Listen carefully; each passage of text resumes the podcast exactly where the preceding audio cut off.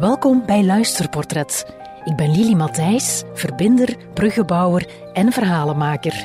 Dit is de podcast van Mensen voor Mensen.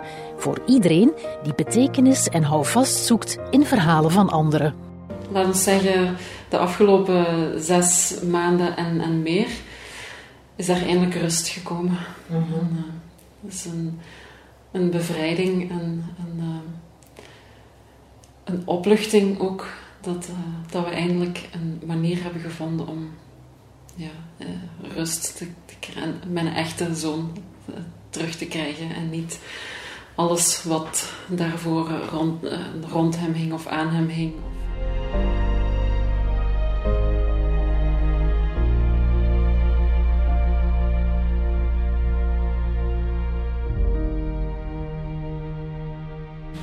Dag Annelies.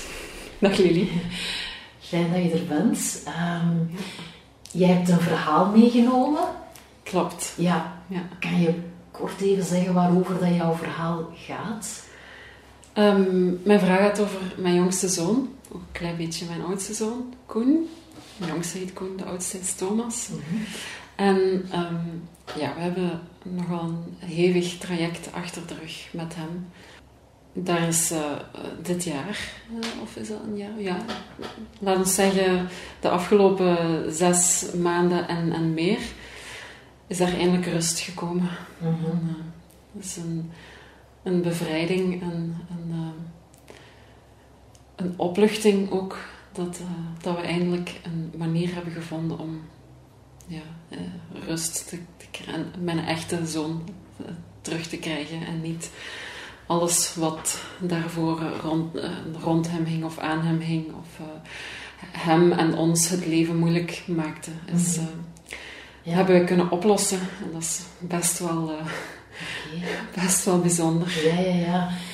Als we even teruggaan, hè, misschien naar, naar het begin. Hmm. Um, ja, wanneer, hè, ik hoor jou vertellen van het is wel een, stevig proces geweest. Mm -hmm. Ja, wanneer is dat begonnen? Ja, het is bij zijn geboorte begonnen. Ja. um, uh, niet de bevalling, het was, het was een keizersnede, dus dat was absurd makkelijk. Maar de, ja, het, was, het was heel duidelijk dat hij een huilbaby was. Ja. En um, ik woonde op dat moment in Frankrijk. Mhm. Mm -hmm. Hij is in Frankrijk geboren. We hebben vijf jaar als gezin in, in Frankrijk gewoond op Ecolonie. Ja. En um, wij gingen voor een babyborrel, voor Koen, de babyborrel. Met mijn familie en vrienden gingen we uh, naar België. Hij was een maand of drie en mijn mama die zei tegen mij, dus Omi, zei, Koen die heeft precies wel rode wangstjes, hè? Uh, wat zou dat zijn, Liesje? ja. Ik zeg, wow, dat zal wel niks zijn, zeker. Ik zal daar zelf kunnen op doen. Maar ja, daar, die rode plekjes die werden toch wel groter. En die kwamen ook op zijn billetjes en op zijn buikje. En hij, en hij huilde echt heel veel. Dus ja, toch eens even laten testen op, allergieën. En ja, in het ziekenhuis in Frankrijk duurde het dan heel lang voordat je een afspraak krijgt. En uiteindelijk moet je dan meerdere keren gaan. En bleek dat hij voor zo goed als alles allergisch was. Um, zelfs voor uh, appelsine en tomaten. En uh, ik gaf borstvoeding. En ik moest dus op dieet. Ik moest uh, stoppen met eieren eten. Ik moest stoppen met gluten, met lactose, dus alles van melk. Um, en dat is best pittig. Mm, wel, ja. het was al een heel stressvol jaar. En, en daar ook nog eens een... Ja, een, een huilenbaby die, uh, die plotseling uh, ervoor zorgde dat ik serieus uh, moest nadenken wat ik wel en niet mocht eten. Mm -hmm. En op een keer, ja, ik was, ik was heel moe. ik was zo, zo, zo doodmoe. Um, dat ze zeiden, ja, je kunt misschien beter stoppen met die borstvoeding. Dat heb ik ook geprobeerd. Ja. Maar hij weigerde. Hij had ook, denk ik, met zijn mond wat... wat problemen om te zuigen, want ook de borstvoeding aan de rechterkant was heel moeilijk. Je kunt een kind heel gemakkelijk troosten door borstvoeding te geven, maar bij hem was dat alleen aan de linkerkant het, het geval. En aan de rechterkant ging hij wringen en, en zelfs ook huilen, dus dat was helemaal niet zo rustig. En dus um, ja, ik moest en zou blijven borstvoeding geven totdat zij genoeg vaste voeding uh, kon, kon binnenkrijgen. Ja, want jij wilde echt gaan voor die borstvoeding. Ik, ik ben een borstvoeding-fan. De oudste die heeft tot, tot negen maanden, acht of negen maanden borstvoeding gekregen. En ja, dat, uh, dat is heel gezellig ook. En ik weet wat daar de voordelen van zijn. En zeker als je dan een kind hebt met allergieën, dan is dat eens zo belangrijk. Dus ik ben dan blijven doorgaan. Mhm. En, uh, um, het was een heel uitputtend jaar met heel veel stress. En het was um, heel vreemd soms ook om te merken als ik met hem dan ging wandelen in het bos. Want wij woonden in de Vorgezen, dus heel veel wandelmogelijkheden. En ik had hem dan in het draagdoek of de draagzak.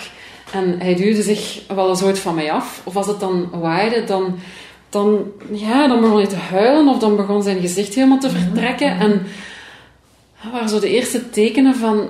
Tja, wat scheelt hier toch eigenlijk? Dat is, dat is niet wat, wat je zou denken van, van een kind. Je denkt, een kind dicht bij je, dat heeft zo het baarmoeder-effect. Mhm. Ja. En en dat vinden kinderen fijn. En de oudste zoon vond dat ook fijn. En, dit, ja, het kon dan niet. En ik dacht, ja toch. Dus dat was voor jou het moment waarop dat je dacht, er is hier meer dan een allergie. Ja, er is hier, er is hier meer aan de hand. Ja. Um, het is ook zo, um, ik heb hem... Uh, heel lang ingebakerd. Dat is ja, misschien niet zo bekend. Dat is heel ouderwets. Dat zijn twee doeken die je dan op een speciale manier uh, rond je kindje wikkelt, waardoor de armen naast het lijfje eh, liggen. En dat ze eigenlijk heel veel geborgenheid hebben. En dat, dat was heel erg nodig voor Koen, omdat mijn kinderen allebei zijn heel bewegelijk en die zouden, ja, dat zou heel veel tijd kosten voor hen om rustig te worden en om in slaap te vallen. En voor hem nog eens te meer, omdat hij dus heel veel buikkrampen had. Die, die ween, hij weende ganse nachten. Ja. En op het moment dat een kind leert zich te draaien, sterk genoeg wordt, moet je daarmee ophouden. Want dan ja, kan hij op zijn buik terechtkomen. En dan krijg je weer risico op wiegedood en toestanden. Dus ja, het moment was daar en ik, ik wilde stoppen met, met die bakerdoeken, maar dat ging niet. Hij, was, hij, hij huilde ehm, veel meer dan, dan, zonder, dan met de, de doeken. Ja. Dan heb ik zelfs de, de schrijfster, ik weet niet meer hoe ze noemde, uh, gemaild of, of gebeld misschien zelfs, ik weet niet meer, met mijn vraag van ja, ik, wil stoppen, maar dat is een ramp. Ik, dat gaat niet. Ja. En ja, dan, dan heeft ze mij wel gerustgesteld dat het zo gauw niet, niet misloopt en, en dat wel oké is. Dus dan ben ik daar wel wat langer bij blijven doorgaan. En dat ook was voor mij, ja, dat, dat, deed mij, dat deed mij nadenken van hoe komt dat dat voor Koen dan nog altijd nodig is. Mhm. Dat is niet normaal, ook niet. Ja, uh, we zijn dan gewoon um, blijven doorgaan met ons leven. We zijn uh, uh, verhuisd naar België terug. Mhm. Het ging niet op ecolonie. Het was een heel stressvolle periode ook. En ik nam ook heel veel op mezelf als, als mama. Ja. Je weet, als jij stress hebt of als jij als een kip zonder kop rondloopt, dat, dat dat een impact heeft op je kinderen. Dat die, dat die gewoon meedoen met u. Ja. dat die meedruk worden en dat die niet rustig te krijgen zijn en dat die vervelend worden. Mhm. En dat was ook zo bij de oudste. En dat, was, dat is denk ik iets wat dat veel jonge ouders leren. Mhm. En ik, ik dacht, het gaat dat zijn. Ja. Ik moet zelf rustig worden en dan zal mijn kind wel geen problemen meer hebben. Ja, ja, ja. dus um, wij zijn dan verhuisd en het was heel moeilijk om in zo'n periode rustig te zijn. Je zit vooral heel moe, maar druk in de weer om alles te regelen. En, uh, om een crash te vinden en om een school te vinden en heel je leven op te bouwen. Want je komt uit zo'n ecologische gemeenschap en je gaat terug het gewone leven in, waar dat je ja, heel veel praktische beslommeringen hebt mhm. die dat wij niet gewend waren. Dus dat was een aanpassing. En um, ja, zijn, zijn allergieën, daarvoor gingen we dan nog steeds naar, naar dokters die dan af en toe gingen kijken hoe dat ervoor staat, want een kind kan daar ook uitgroeien. Ja. Um, maar hij had dan, ja, hij kreeg dan s'nachts, zeker in de winter, kreeg hij geweldige hoestbuien. Uh, waardoor dat hij ook niet sliep. En dan ik dacht van ja, natuurlijk is dat een vervelend kind, want die is niet uitgeslapen. Die had een ochtendhumeur van ik kan niet meer. Hij had dan zijn pop waar dat hij mee sliep. Dat was geen pop, dat was eigenlijk meer zo'n zo'n zo'n bolletje met een doekje rond. Zo iets heel ja, knuffelig. En zijn pop was dan heilig voor hem. Uh, dat was zijn ding voor in bed en voor rustig mee te worden. Maar als hij dan ja, zijn dutjes deed, kreeg hij ook zijn pop. En um, als hij ja, ziek was, kreeg hij ook zijn pop. Dus op zo'n speciale momenten kreeg hij ook zijn pop. En, en op zo'n, in zo'n, die ochtenden met Koen, dan was er echt geen land mee te bezeilen. Hij uh, hij at moeilijk, hij wilde zich niet laten omkleden, want hij was te klein om het zelf te doen, maar zich laten omkleden was een probleem. En dat ik zei van, ja, dan, begint je te chanteren met, ja, maar dan krijg je pop. En nee, en ik wil pop niet. En dan denk ik, maar vader, zelfs als, als dat niet werkt, wat, wat heeft hij dan toch voor moeilijkheden? Waar worstelt hij dan toch mee? Dat moet immens zijn. In, in zo'n klein manneke, zijn lijfje, zijn hoofdje. Ja als moeder. ja. Je hoort het jou nog zeggen zo van, wat is dat toch met u? wat is dat toch? En um, goed, dus we gingen dan voor die hoestbuien en, en de rest van zijn allergieën gingen we dan bij een kinderarts.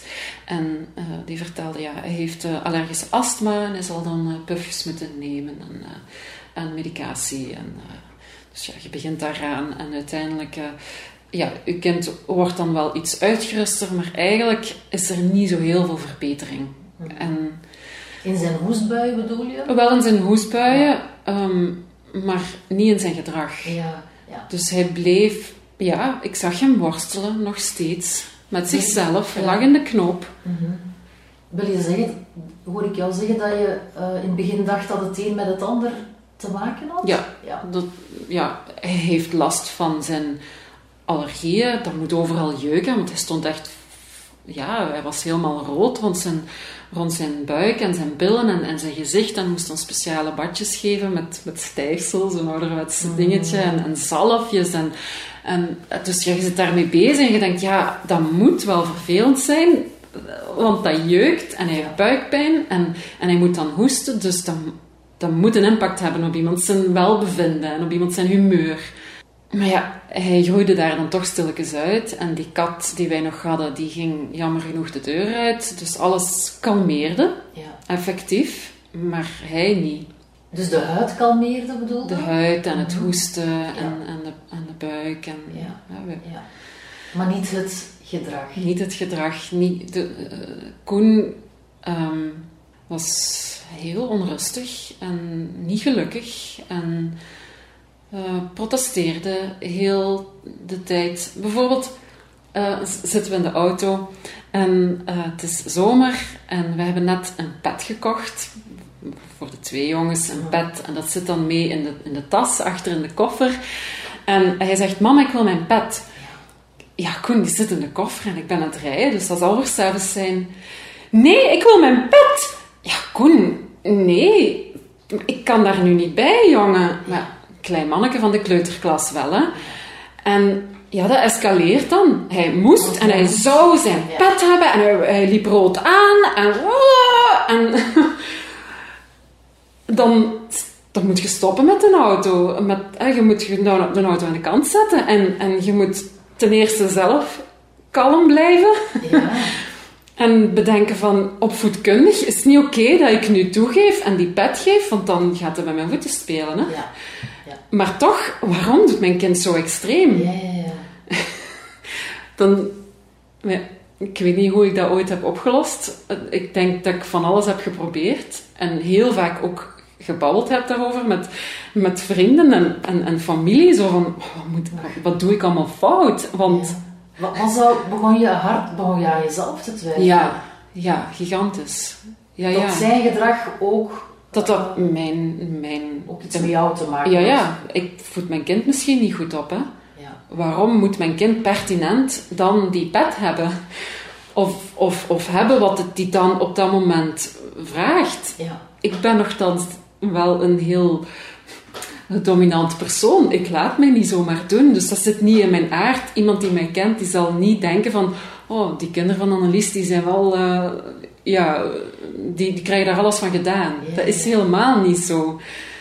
Maar toch, ik dacht, ja, het heeft met mij, ik doe iets mis. Of er, er loopt iets, iets mis. Ging het dan vooral over woedebuien? Ja. Of, of Ja, kwade buien? nee, echt woede. Ja. Ja, woede en zelfs tot het, ja, fysiek ook, hè. Dat hij dan dingen, ja, wilde, wilde kapot maken. Ja. En dat ik hem dan, als hij naar bed moest, of hij moest in de douche, of, of hij moest fysiek zich verplaatsen en iets doen, dat ik hem moest oppakken en zeggen, en nu gaat jij douchen, want het is nu de moment, jij moet gaan slapen. En dan, ja, dan, dan raakten wij in een gevecht. Zelf, allee, hè, Ja. niet als, als, als moeder-zoon gevecht van, en Ja. wie is hier degene met het meeste karakter en wie gaat hier zijn goesting krijgen, gevecht. maar, en op een keer, hij werd, dan, hij werd dan groter en op een keer ging dat zo ver dat ik dacht van, maar dit kan niet blijven gaan, want zelfs is die sterker als mij. Hè? Hij, hij, heeft, hij had al pubergedrag op, op, ja, op het moment dat hij in het eerste klut, eh, studiejaar zat of, of zo. En dat is een hele grote, dus hij was toen al heel groot. Dat, dat ging niet meer. Ik moest dat oplossen. En ik moest terug zijn mama kunnen zijn. En- En je had het gevoel dat je, dat je con- constante champetter was, die Ja, hij moest in toom houden. ja, ja. Ehm, dus ik twijfelde aan mijn stijl. Heel erg. Maar het is ook, ja... eh, Van mijn omgeving hoorde ik ook van, ja, dat is wel eh, geen gemakkelijke, hè, die Koen. Maar ja, jij hebt je kind wel gevormd, hè. Je bent wel de opvoeder geweest, dus... Ja, en, en ehm, je had ook niemand in jouw omgeving die dat herkende. Ehm, ja, op een keer moet dan toch iemand dat gezegd hebben van, ja, ehm, is dat niet hoogsensitief? Is dat niet iets wat je eens moet bekijken? Ehm, misschien dat mijn beste vriendin dat heeft eh, verteld, Roxanne, die, eh, die is juf ehm, in het middelbaar onderwijs. En, Ja. en, ehm, dus op een keer sprak ik over die term, over hoogsensitiviteit bij de juf. Hij zat Ja. dan in de kleuterklas nog. Ah, Ah, zijn, zijn eerste jaar in de kleuterklas sprak ik daarover met de juf en die zei: "Mwah, Dat is weer zo'n nieuwe term. Ik zou er niet te veel eh, mee zorgen om maken, dat komt wel goed. Want was zijn gedrag dan niet zo extreem in, in de klas? Ja, hij was niet de gemakkelijkste. Nee, en, en, nee, nee want ik, ik heb die rapportjes over laatst moeten verzamelen en, en dat dan teruggelezen. En nee, nee, het was niet evident. Eh, hij, eh, hij is eh, in een freneschool naar school gegaan en daar werken ze met hoeken. Ja. En ze moeten dan s'morgens in een kring zitten en vertellen over eh, hoe ze zich voelen en wat het weer is en naar elkaar leren luisteren en, en allemaal heel tof. En dan een kring kiezen, eh, of, of een hoekje kiezen wil ik zeggen. En hij koos altijd het hoekje wat naar de muur keek. Wat zeker niet in het midden van de klas stond. En liefst van al nog met steeds hetzelfde. Dus, dus zijn kapla-blokken. Eh, niet, niet te veel nieuwe dingen. Ja. En als hij in de kring zat, dan... Ja, er waren dan allemaal banken tegen dus van die zitbankjes tegen elkaar. En de kinderen zitten dan naast elkaar, vlak langs elkaar. En dat verdroeg hij niet. Hij kreeg conflictjes met die kinderen. En hij ging met zijn ellebogen eh, in, eh, in het rond. En ehm, hij moest dan op een stoel apart gaan zitten, want anders ging dat niet. En op de speelplaats eh, had, hij, had hij hoe langer, hoe meer ruziekjes en, en conflictjes en niks wat uit de hand liep. Maar hij kwam altijd huilend thuis van, mama, nu heb ik weer ruzie gehad. En ja, je, het was niet oké. En Maar toch, op school kreeg ik geen gehoor.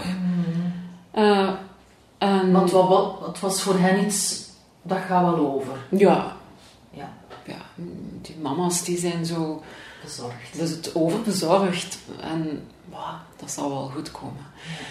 Ehm, en dan had ik wel de tip gekregen van mijn mama om, ehm, om eens naar een, eh, een te gaan. En die zei, dat was een, een kinesiste, en die zei, nee, nee, hij heeft lateralisatieproblemen, dat hebben veel kinderen wel eens, maar hij is ook hoogsensitief. En het onderscheid tussen uh, zijn fysieke lichaam en de buitenwereld maakt hij niet. Alles wat buiten hem gebeurt, is voor hem ook binnenin.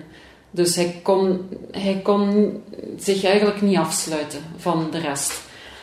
En, uh, dus, dat is een kenmerk van hoogsensitiviteit. Ja, dus alles komt binnen. Mm uh, als je ja, het, het tikken van, van de klok, het, uh, de wind mhm. die je voelt, dat is allemaal tegelijkertijd. Ene grote hoop en terwijl je je eigenlijk moet concentreren op dat waar je daar mee, dan mee bezig bent. Of, laat staan als je dan voor een verjaardagsfeestje naar een binnenspeeltuin moet gaan, dat zijn rampen. Een, een hobby, dat, dat, is, dat is thuis eigenlijk niet haalbaar, want dat is te veel.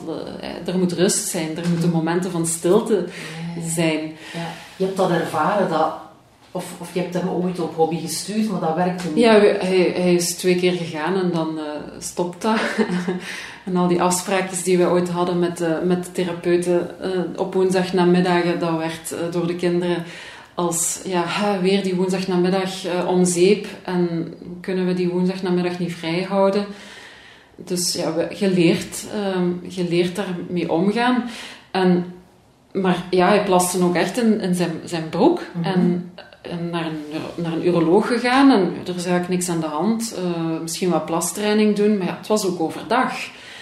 En hij wordt dan ouder en ja, dat, dat klopte ook niet. Dat, had, dat was ook vreemd. Ja. En uiteindelijk was het lockdown en we zaten wij thuis um, te studeren. Die eerste week was een ramp.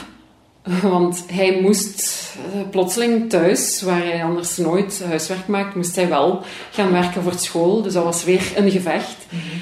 En toen zei therapeuten waar, waar wij toen uh, bij aan het uh, volgen waren, zei tegen mij, ja, is het erg als hij één of twee weken eens niet voor school werkt? Ik heb dat met de juf besproken, die had er wel oren naar, was niet helemaal gelukkig, maar mm we hebben dan gewoon letterlijk op de pauzeknop gedrukt en plotseling verdween alles. Ja. Hij had nauwelijks nog gedragsproblemen ja, hij moest ook niet studeren, dus wij maakten om weinig, uh, hadden, wij, hadden wij gevechtjes. Hè? Het was geen krachtmeting niet meer. Dat heeft mij, ah ja, en ook zijn, uh, zijn ongelukjes overdag, die gingen weg. Mm -hmm. Zijn plasongelukjes. Zijn plasongelukjes gingen weg. En ik dacht van ja, dat heeft met die scheiding te maken, dat is te veel geweest en dat is te veel stress voor hem. En nu nog, hij was te klein, heeft er niet over kunnen praten. En nu is dat, heeft, heeft fysiek een impact gehad. Maar het was weg tijdens de lockdown. Ja. En we dachten, ja, hoera, dan is het opgelost. En ja. Hij zat een tweede studiejaar, dus hij, was er zichzelf heel van bewust dat dat, dat niet oké was en hij wilde dat niet.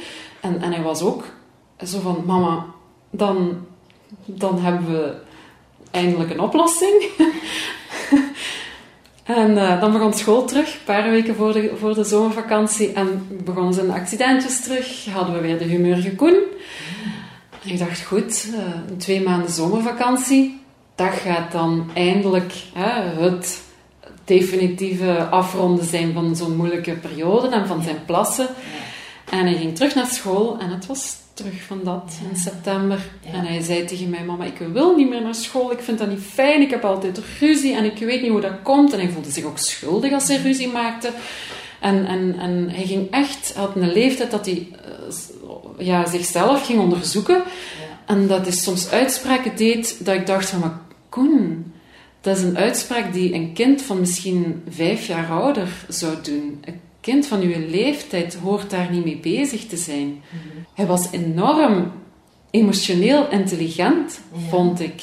En dan zijn wij toch naar een, een psychologe gegaan, uh, want ik dacht, die school is te veel. Hè? Uh, hij moet misschien gewoon thuis blijven en thuisonderwijs krijgen. Dat was praktisch onhaalbaar, maar ik wist geen andere oplossing. Of hij moet naar bijzonder onderwijs, uh, waar dat kinderen met autisme uh, naar school gaan. Want het is wat ze daar doen met kinderen wat Koen ook nodig heeft. Maar CLB die stijgerde. Ik, kreeg, uh, ik werd weer bestempeld als een overbezorgde moeder.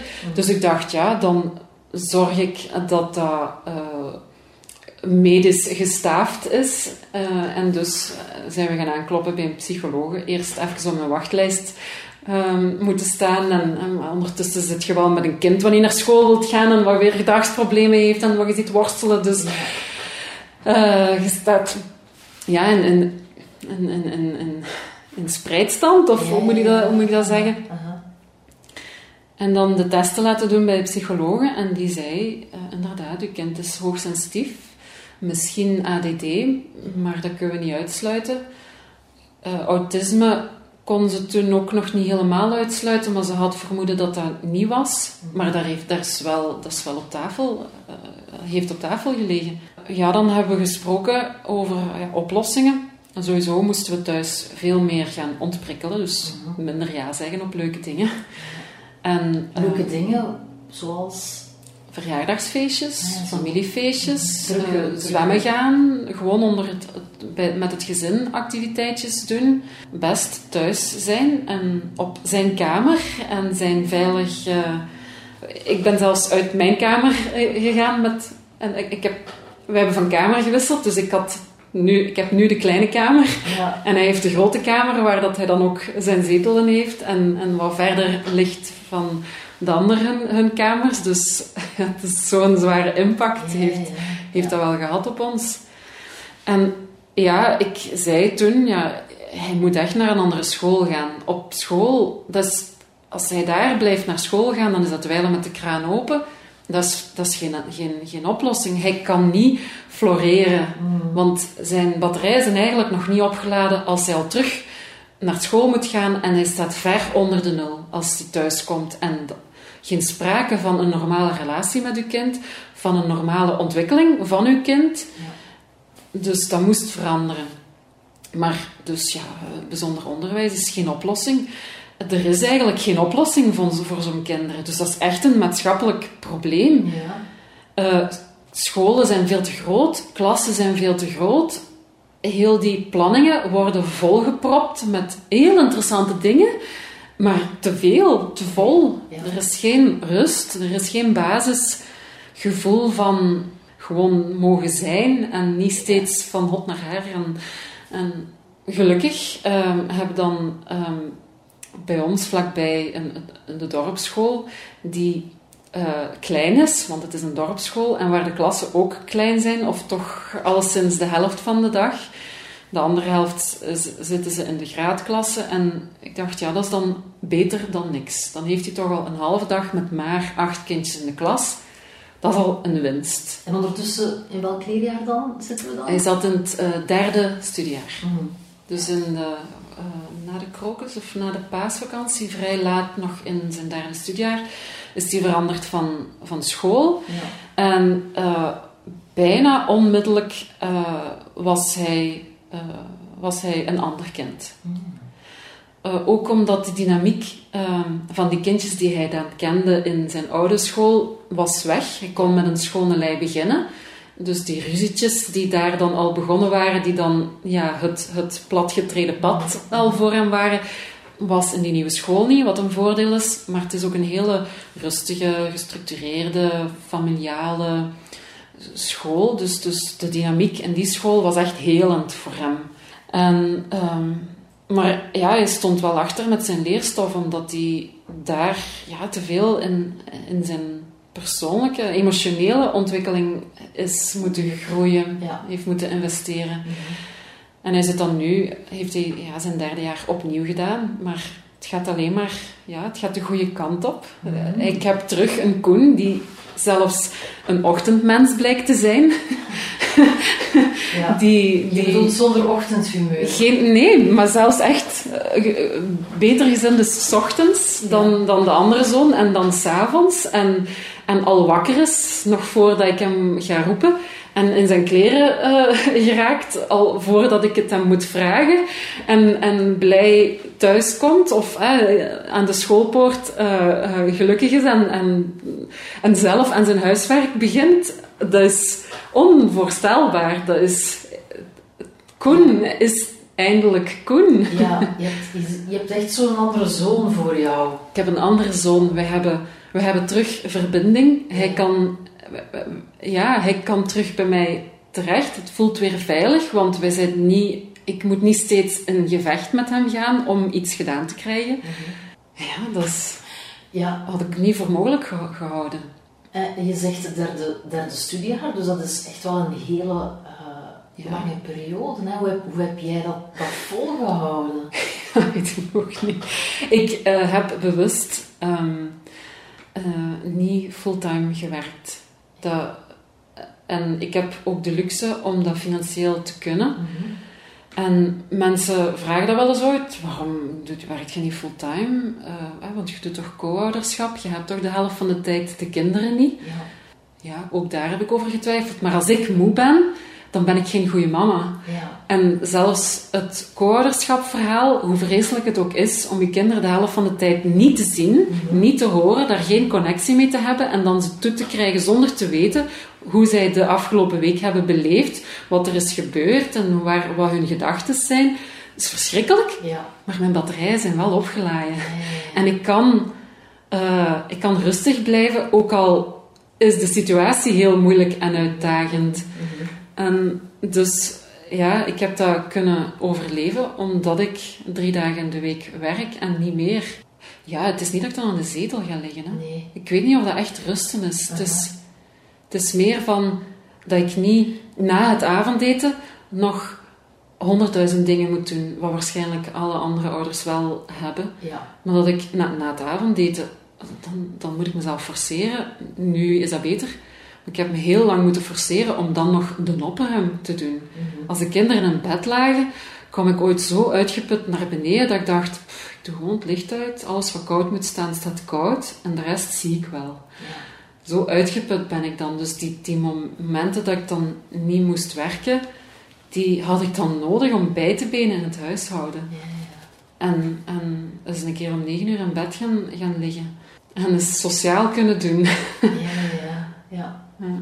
Dus min- minder werken en, en daardoor extra ruimte krijgen heeft jou geholpen, een stuk om, Ja. om die periode eh, te overbruggen. ja, Ja, te overleven. te overleven. Ja, dat is direct een heel andere Ja, ja, maar zo was het. Ja. Zo was het echt. Ik heb zo diep gezeten ehm, dat ik dacht: moesten ze, mij, moesten ze ons gezin filmen? Stel dat dat, dat, dat, dat gebeurt, dat gebeurt niet, maar stel, hypothetisch gezien, er wordt hier gefilmd. eh, misschien dat ze mijn kinderen bij mij weghalen. Ja. Ja. Dat was ook mijn gebrek aan zelfvertrouwen die me dat deed denken. Maar het was ook heel heftig soms thuis. Ik ben niet altijd een fijne mama geweest. Verre van. Ik was heel kritisch ook voor mezelf, maar het ging niet. Elke keer eh, had ik weer de goede moed om rustig te blijven en gezellig te doen en vooral bezig te zijn met de leuke dingen. Dat schoot er altijd aan in. En daar was geen tijd voor, want wij moesten steeds van hot naar her. En, en, en dat huishouden, dat riep heel hard. En, en ik schaamde mij soms. Waarvoor schaamde je dan? Ja, bijvoorbeeld ja, dat ik mijn geduld verlo- verloor. Zo. Ja. Of Gewoon zijn, het, het moeilijke gedrag, maar ook Ja. bij de oudste. Gewoon kinderen Ja, die ja, zijn, zijn, dat zijn geen volwassenen, dus je moet wel eens ooit sterk staan in je schoenen en, en, en dingen opvangen en op een goede manier ergens mee omgaan. De uitdagingen van alle ouders. En dat lukte mij, mij niet. Dat, lukte mij niet, omdat ik te ver aan mijn eigen reserves zat van, van energie. En ja, dus ik schaamde mij daar heel vaak voor, dat ik dat, niet beter, dat ik niet leuker was. Ik was geen, geen leuke mama, vond ik. En als ik dan wel eens leuk was, dan, dan, ik weet het niet, dan was het nog niet goed genoeg. Ja, ja. En heb je, dan, heb je daar dan alleen mee gezeten, zo, met, met dat gevoel van ik ben niet goed genoeg of zit, ja, niet. Ik kon daar wel over praten met, met, eh, met mama. En die heeft ook eh, stevige dochters op de wereld gezet. We hebben zowel eh, een, een sterk karakter in de genen zitten. Dus ik kon voor heel veel dingen wel bij haar terecht. En eh, mijn beste vriendin zeker ook. en, en mijn lief ook wel. Alleen, ja, daar heb je dan ook weer de dimensie van de plus, en mijn pluszoon, dus de, de zoon van, van, van mijn lief, Ja. die, ja, die is niet hoogsensitief en die doet het goed op school en, en heeft heel veel rustige momenten, want is enig kind en wij wonen niet samen. Dus die was helemaal niet overprikkeld en dat was gemakkelijk. En is een gemakkelijker kind dan mijn kinderen. Ja. En die vergelijking, en dan gingen de gesprekken heel vaak over, ja, maar misschien ja, kreeg ik advies van hem. Ja. En dat ik dan, in het begin vond ik dat fijn, maar na een tijd, ja, zo van, ja, maar komt jij het maar eens doen, hè? Ja.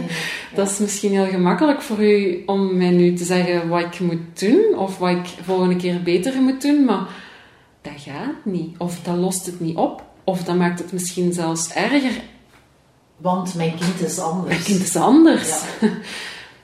En jij beleeft niet altijd die, die momenten, die moeilijke momenten. Mhm. En we- zeker ook wel. En het was dan ook een, niet altijd evident voor hem om te komen en, en om daar dan plotseling in te zitten. En je komt naar je lief en je denkt van het wordt gezellig, maar dan, dan is er dat kind wat, dat, wat dat een uitdaging eh, geeft.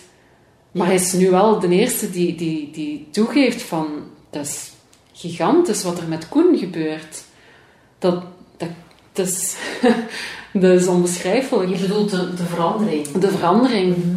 En, en de eerste die dan ja, dat, ja, dat erkent en dat ziet en, en met wie ik dan ten, ja, in de diepte meer kan, kan spreken over en zie wat, wat hij nu doet. Hey, een half jaar geleden zou het zo gegaan zijn. Hè? Ja, echt waar, Annelies. Dat is niet te geloven. Dus ja, ik heb wel, ik heb wel mijn netwerkske Ja, ja, ja. waar ik heel veel aan heb. Ehm, en wat ook maar goed is dat ik dat heb. Maar toch, ja, in de maatschappij, ehm, hoe langer hoe meer ouders daar wel over, over bezig zijn en dingen met hun eigen kinderen ook wel eh, ontdekken of, eh, of, of, of ook wel hebben aan, aan mijn verhaal of waar, waar ik dan iets aan heb. Maar het is toch nog een term die heel vaak het, de reactie eh, krijgt van... eh, er is weer iets nieuws in de mode. In een, in een hoekje wordt gezet van waar, waar de alle problemen dan eh, mee eh, verklaard worden. Ja, dus ik, ik heb jou vooral horen zeggen van de schoolcontext heeft heel veel, de nieuwe schoolcontext heeft heel veel in beweging gezet, ehm, waardoor dat ja, Koen veranderd is. Jij hebt eigenlijk niet iets anders moeten doen. Het is, het is door zijn nieuwe context dat hij veranderd is, of heb jij zelf ook nog Nee, nee. daaraan dingen moeten doen dan? Ja, ik heb eh, geduld opgebouwd. Ja. door en eh, geleerd om eh één op eentjes te hebben met, met mijn kinderen, allebei.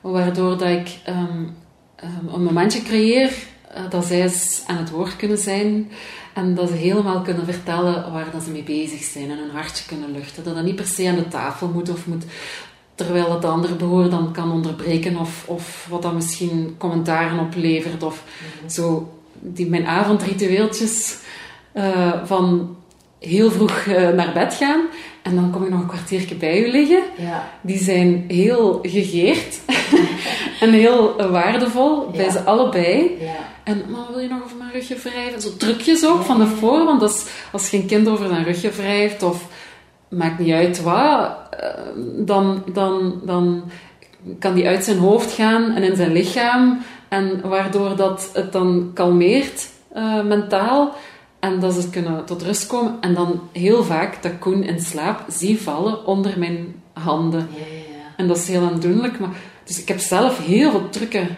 geleerd. Aha. Eh, door heel veel vallen en opstaan. En eh, ja, leren nee zeggen ook tegen leuke dingen. Of, Ja, en, en heb jij die trucken zelf ontdekt? Of, of zijn er anderen die daar jou geïnspireerd hebben? dat is een, een mix van beide. Ja. Ja. Ik heb niet, geen massa's eh, boeken daarover gelezen, maar de boeken die ik heb gelezen waren wel de goede boeken. En bij de psychologe, eh, zij had mij die boek geadviseerd, dus dat is vrij recent nog, een jaar geleden dat ik, dat ik eh, daaraan begonnen ben. En, en ook het Welk boek is het? Eh, ehm, hoogsensitiviteit uh, bij kinderen, mm dat het heet. En ook had zij mij geadviseerd om het boekje, maar vooral de, de luister... Um, um, uh, hoe heet het? De luisterverhaaltjes van Stilzitten als een kikker te gaan gebruiken bij hem of te gaan aanbieden aan hem. Dat is eigenlijk mindfulness voor kinderen.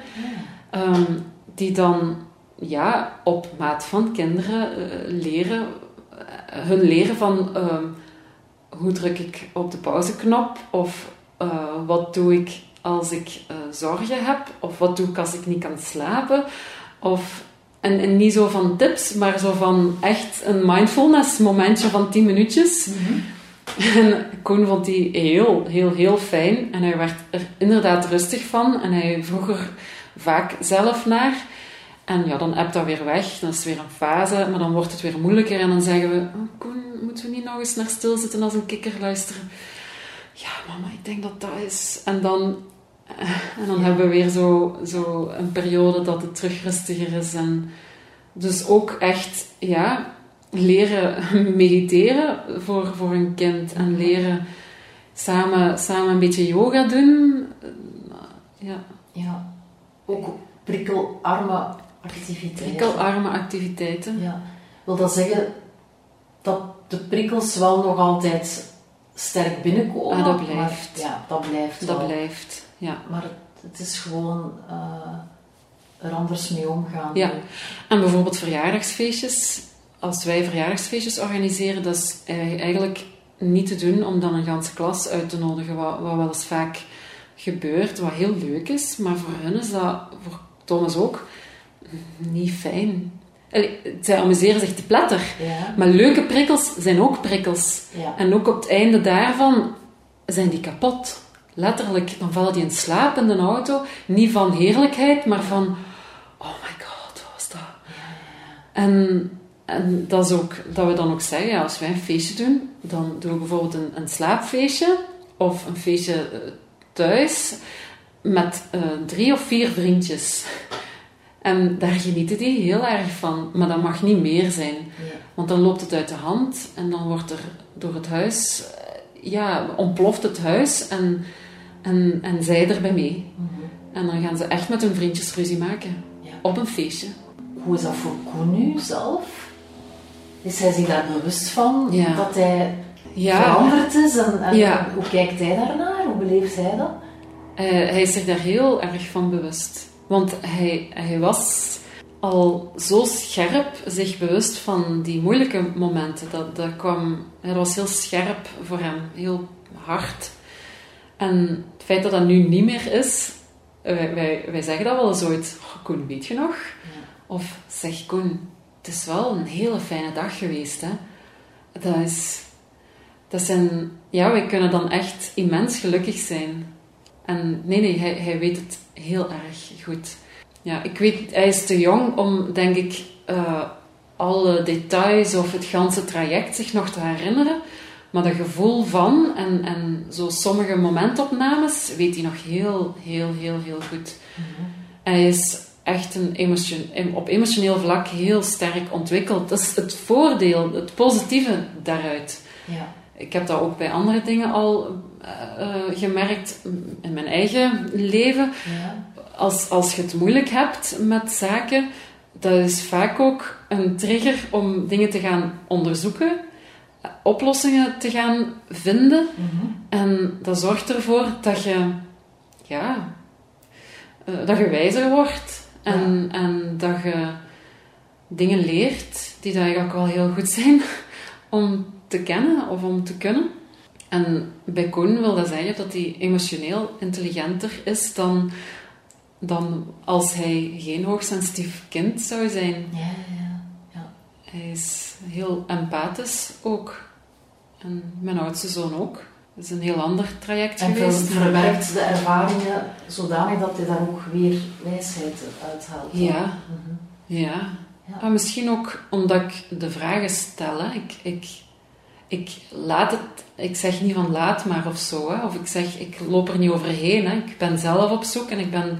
Ik heb zelf heel veel aan praten over dingen om, om zaken te verwerken of om zaken op een rijtje te krijgen en, en dan weer een, het helder te zien en, en makkelijker tot een oplossing te komen. En ik doe dat ook met hun. Eh, dus wij, wij, wij babbelen al altijd over die dingen. En hoe langer, hoe meer, want ze worden groter en ze worden ook verstandiger. Ja. En dus dat is een stijl die dat ik misschien daardoor ook bij hun heb ja, ontwikkeld. En, dus, en als je over dingen praat, dan zijt je daar denk ik op een andere manier van bewust dan als het enkel in je hoofd gebeurt of Mhm. enkel in je lijf. Mhm. Dat het daar dan maar zit te borrelen en, en dat dat verder geen klankbord krijgt. Ja. Of, en dat klankbord, dat ben ik, denk ik wel, voor hun. Dat is denk ik de grootste les.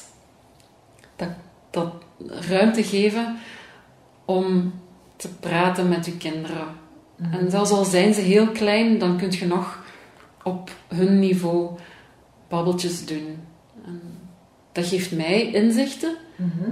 in wat beleven ze dan en wat Ja. gebeurt er dan Ja. en hoe hebben ze dat ervaren en dus wat betekent dat en hoe kan ik dan hulp zoeken.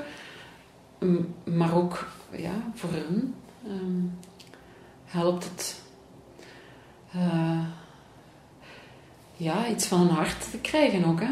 Ja. Ja, iets van hun lever, of ja, hoe dat je dat ook zegt. Je zich, zich ja, er- erkenning voor de moeilijkheid op dat moment. Mhm. Ja. Dat denk ik dat. Ja, Is dat dan ook iets dat je moet, moet doorgeven aan, aan de omgeving? En zodanig dat zij ook zich bewust zijn van bepaalde zaken in, in het omgaan met, met Koen dan of zo? Ja. Moet je, moet je dat, is dat belang- belangrijk is dan om dat te delen? als hij naar, eh, als hij naar vriendjes gaat bijvoorbeeld, dan eh, moet ik altijd zo even, eh zo gezegd, een briefing doen van let op dat het niet te laat wordt, want dan is er morgen een probleem. Of let op dat als hij moeilijk begint te doen, dat het dan waarschijnlijk te veel is en misschien is dan een filmpje beter of zo. Ik moet wel een beetje een handleiding geven. En dat gebeurt niet zo vaak, want hij vraagt er zelf niet naar om bij vriendjes te mogen gaan spelen. Als hij aan het spelen is, dan kan hij heel goed spelen. Hè? Hij is zeker niet asociaal, maar hij, hij zoekt het niet op omdat hij daar niet altijd de mentale ruimte voor heeft om, om die prikkels te, te, gaan, te gaan krijgen. Mhm, mhm. Dus, ehm, en andere momenten, ja, de school moet dat zeker ook, weet dat ook heel goed. Ja, we zijn daardoor ook naar de school gegaan en Ja. op oudercontacten kan het daar ook over gaan. Dus en het feit dat ze zich daarvan bewust zijn, helpt eh, echt wel om, om dat goed te laten lopen en om dat Koen zich goed voelt in, in de klas. Ehm, ja, en zeker ook eh, als, als wij eens een familieweekendje doen, is dat ook een, een onderwerpje. Van, eh, eh, misschien beter niet meer naar Eurodisney, want dat, dat gaat niet goed lopen. Of we gaan dat niet kunnen beleven zoals jullie ja, dat denken dat wij dat beleven. We gaan daar niet zo heel veel plezier van hebben. Ja. Want dat is gewoon te veel. Mhm. En dat is, dat is vervelend om dat te zeggen, want ja, wie houdt er nu niet van Eurodisney? Ja, ja, ja. Kinderen of... Allee, Ja. waarom, hè? Waarom wil je niet naar Eurodisney? Ja, ja, ja, ja, ja. Dus ja, dat is zoiets wel een onderwerp. En een onderwerp dan eh, met de familie bedoel je? Ja. ja, ja, ja. Of met ouders van vriendjes. En is dat lastig om daar iedere keer eh, Ja. een stuk verantwo allee, verantwoording of uitleg aan te moeten Ja, geven? want ik Ja. ben liever veel meegaander. Ik doe, ik doe graag, niet graag moeilijk. En dan moet ik een beetje moeilijk gaan doen. Dus ja, ik, ik doe dat liever niet. ik vind dat niet fijn. Mhm. Maar het is wel nodig. Ja, Ja, dat, dat is mijn, mijn rol. Als ouder hoor ik dat te doen. Ik moet Koen niet aan zijn lot overlaten. Hè. Ik moet dingen die ik zie mislopen, moet ik voorkomen. Hè. Dat ze mislopen. Mhm, mhm. En mensen mogen ook weten, vind ik, van... eh, zeker mensen die Koen van dichtbij beleven, van... Het is niet dat Koen een moeilijke jongen is, hè. Het is niet zijn karakter, hè. Het is niet Koen die... eh, hoe moet ik dat zeggen? Koen is niet gelijk aan het moeilijke kind. Ja, Koen is niet gelijk aan het moeilijke kind. ja. Koen is... Koen is een heel leuk kind. Ja. maar de maatschappij is, maakt, het, maakt het hem eigenlijk moeilijk. En ik denk dat bij heel veel kinderen het geval is.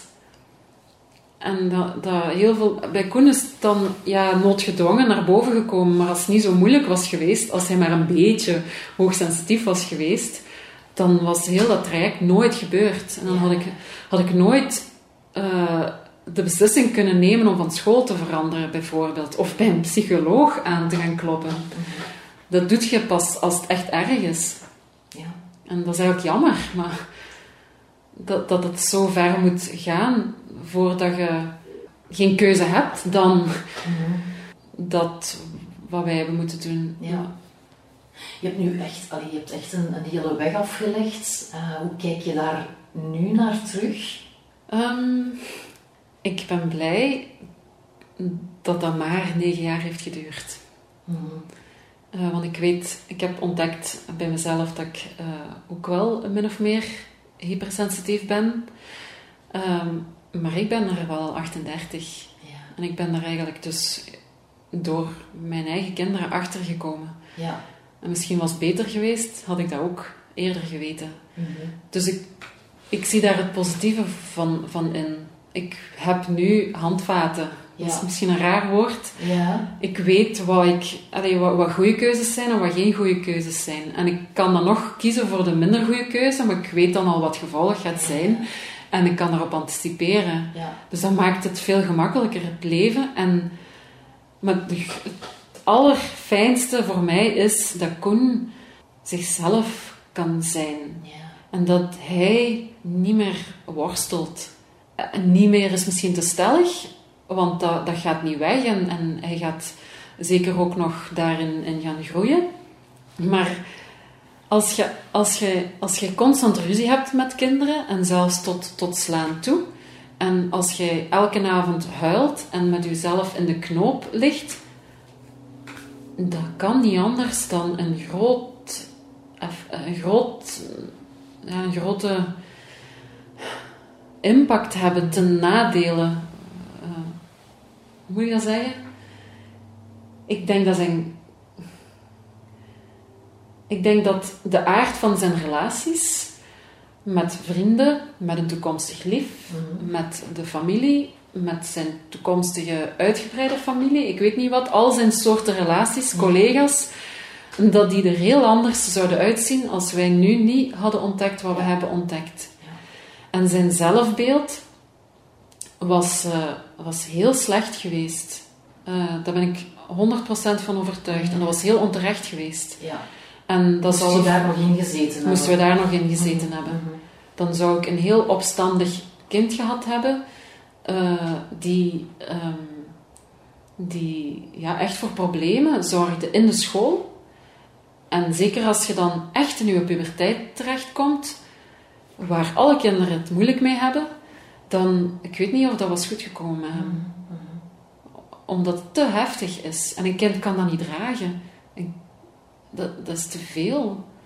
Ik en de maatschappij, bij Ja. uitbreiding, wij moeten zorgen voor een gezond milieu waarin dat een kind zich veilig voelt eh, en kan bloeien. En als je de hele tijd eigenlijk de wind van voren krijgt, Ja. of constant met prikkels wordt gebombardeerd, totdat je niet meer kunt, totdat je buiten adem bent, totdat zelfs je, je lichaam protesteert, ja, wij zijn daar de schuldigen van, niet Koen. Koen is daar de dupe van. Ja. Zo is het. Ja. Dus ik hoop dat, daar, dat, dat mensen, ouders, maar ook een ganse maatschappij leert inzien van we kunnen niet blijven doorgaan met onze redreis zoals wij ze kennen. Iedereen heeft daar last van. Hè? Weinigen hebben daar geen last van en Ja. die hebben geluk. Ja. Maar velen hebben daar last van en we moeten daarmee ophouden. Het moet niet zo druk zijn. Het is eigenlijk wel fijn om tijdens de lockdown een lege agenda te hebben. Oh, wij waren zo gelukkig thuis. Ja. We vonden dat helemaal niet erg. ja. Aha. Is, dat, is dat ook een stukje wat, wat, wat jouw verhaal jou vertelt? Ja, Ja. ja. Absoluut, dat is het. Dat is de kern. Mhm. Ja. Ja, en allee, als, als ik uh, naar jou luister, uh, wat ik heel mooi en, en, sterk vind in, in jouw verhaal, is dat je, um, en je zei het daar net ook, hè, zo, jouw kind moet kunnen bloeien en je, je hebt hem dat eigenlijk ook, uh, je hebt daar ook altijd zo naar gekeken, hè? Niet, niet als, oké, okay, ook een lastig, hè? lastig kind soms, maar toch ook wel um, dat geloof blijven hebben van ja. er is hier meer. Ja. En Koen is meer dan alleen dat moeilijk zijn, ja. ja. Mm -hmm. zijn probleem. Ja. Koen is niet alleen probleem. Ja. ja. Koen kan niet Koen zijn omdat, omdat hij te moeilijk heeft. Ja, ja, ja. ja. Dus dat is wel heel mooi, hè? Ja, als, als moeder en, en ja, Koen kan alleen maar blij zijn met zo'n mama, hè? Ja, ja het, het, het verschil tussen een kind wat tijdens de eerste week van de lockdown uh, en, en ook tijdens de school zegt van ik wil niet studeren, ik wil geen blaadjes maken, ik wil niet op bingel, ik wil dat blaadje niet maken, ik, ik haat school, ik wil niet naar school. Tot een kind wat, wat springt van, uh, van, van enthousiasme na de schooldag ja. en zelf aan dat huiswerk begint en waarvan ik de juf hoor zeggen van hij is heel enthousiast en, en ik moet hem extra uitdaging geven in de klas. Het verschil kan niet groter zijn, hè? -hmm. Ja. dat is het bewijs dat het niet in... Dat het probleem zit niet in Koen. Nee. Ja. Ja, dus kijk ook verder dan, hè, dan alleen het, het gedrag, maar ook Ja. wat er daar rond gebeurt. En, Ja. mhm. Ja. Ja, en een kind heeft altijd gelijk. Als een kind huilt, of als een kind ruzie maakt, of als een kind niet naar school wilt, dan wil dat iets zeggen. ja. Dan is dat geen kind wat geen goesting heeft, mhm. of moeilijk is. Ja. Dat- dat- En het is belangrijk om daar naar te luisteren. Ja. En dan niet zomaar ja. te negeren als... En zelfs pestkoppen hebben een reden om te gaan pesten. Die doen dat niet voor hun, voor hun eigen plezier. Alles wat kinderen doen, heeft, zijn, reden, heeft, heeft een reden. Mhm. Ja, en belangrijk om daar naar op zoek te Naar gaan. op zoek te gaan. Ja, en dat ben jij blijven doen, hè? Mhm. Ja, ik ben een koppige. Ja, maar dat, dat heeft jou ook wel er eens gebracht, hè? Ja, dat is waar. Ja, Ja, ik ben blij dat de zware uitputtingsslag voorbij is. Ja, dankjewel Annelies voor jouw eh, ja, inspirerend verhaal. dank, ja, graag gedaan. En fijn dat, eh, dat ik de kans heb om, eh, om het eens eh, naar de, in de wereld te sturen. Ja, dat het veel mag betekenen. Dat hoop ik. Ja, want er zijn nog koninkjes. Daar ben ik zeker van. Ja, dankjewel. Bedankt voor het luisteren. Wat heeft dit verhaal voor jou betekend? Misschien wil jij ook een verhaal delen en anderen mee inspireren?